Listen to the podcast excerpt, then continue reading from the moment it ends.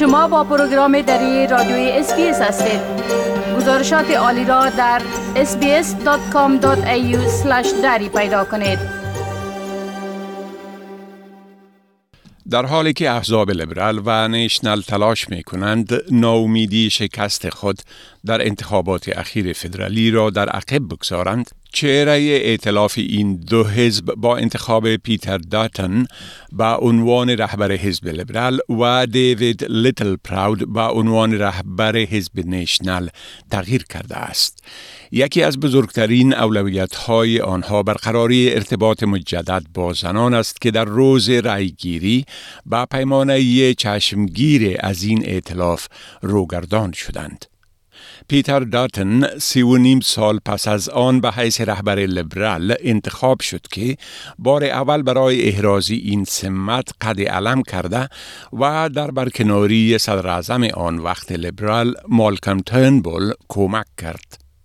آقای داتن وظیفه بازسازی حزب را بر عهده گرفته و قول داده که حکومت کارگر را مورد بازخواست قرار خواهد داد. We won't be We'll propose strong policy to make the lives of Australians better and to provide more security to them. Our policies will be squarely aimed at the forgotten Australians in the suburbs across regional Australia. سوزن لی به حیث معاون رهبر انتخاب شده و امیدوار است که آرای زنان را بار دیگر در انتخابات آینده به دست آورد. We know that we didn't receive the support of all women at the last election. And my message to the women of Australia is we hear you, we heard you, we're listening, we're talking. تحقیقات و نظرسنجی های قبل از انتخابات نشان داد که سکات موریسن صدر اعظم سابق در میان رای دهندگان زن محبوبیت نداشت. و این حزب چندین کرسی را به کاندیدان مستقل به اصطلاح تیل به حمایت نهاد به نام کلایمت 200 از دست داد که آنها در زمینه اقدامات اقلیمی تشکیل یک کمیسیون فدرالی ضد فساد اداری و برابری جنسیتی مبارزه می کردند. پیتر دارتن که روش سختگیرانه او باعث روگردانی بعضی از رایدهندگان از حزب لیبرال شده امیدوار است که استرالیایی ها اکنون همه شخصیت او را خواهند دید. I'm not going to change, but I want people to see the entire person that I am. And I want people to reserve and make their own judgments when they meet me. People on the ground can see in a you know, more wholesome way who I am. این وزیر سابق دفاع امور داخله و مهاجرت در گذشته هم باعث ایجاد جنجال ها و سر و صداهای شده است. در سال 2008 او سخنرانی صدر اعظم کیون رد در مورد عذرخواهی از بومیان استرالیا به خاطر نسل دزدیده شده را تحریم کرد و اکنون به اشتباه خود اعتراف می کند.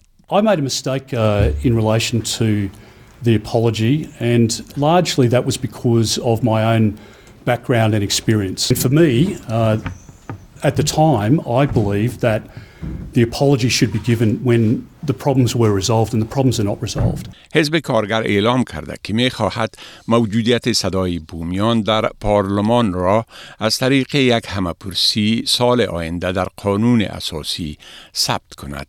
این بخش از بیانیه بومیان معروف به بیانیه اولرو از قلب است و این توافق است که اولین اقوام ساکن استرالیا در سال 2015 برای به رسمیت شناسایی بومیان به آن نایل آمدند. آقای داتن درها برای مذاکره در این مورد را باز گذاشته است. We'll have a look at what they're proposing.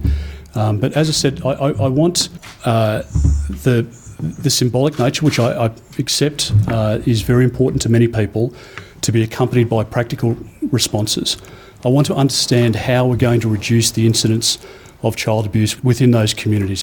اعضای حزب نشنل هم تایید کردند که حزب آنها توسط دیوید لیتل پراود رهبری خواهد شد.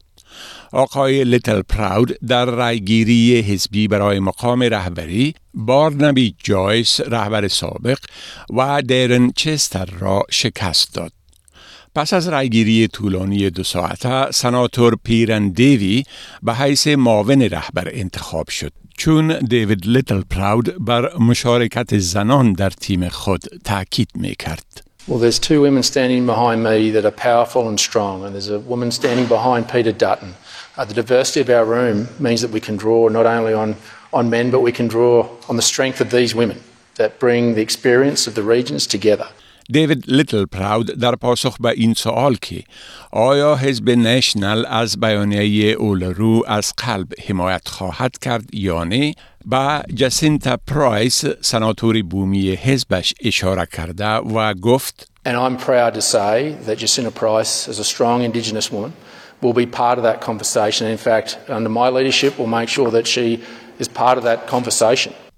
این بدان معناست که حزب کارگر برای به تصویب رساندن این پیشنهاد در پارلمان احتمالاً به حمایت اعضای غیر وابسته به احزاب عمده نیاز خواهد داشت. حکومت کارگر فردا چهارشنبه مراسم سوگند همه کابینه جدید خود را انجام خواهد داد. گزارش را که شنیدید با کمک کرشانی دهانجی از اس نیوز تهیه شده بود. می خواهید این گناه گزارش ها را بیشتر بشنوید؟ با این گزارشات از طریق اپل پادکاست، Google Podcast، Spotify و یا هر جایی که پادکاستتان را می گیرید گوش دهید.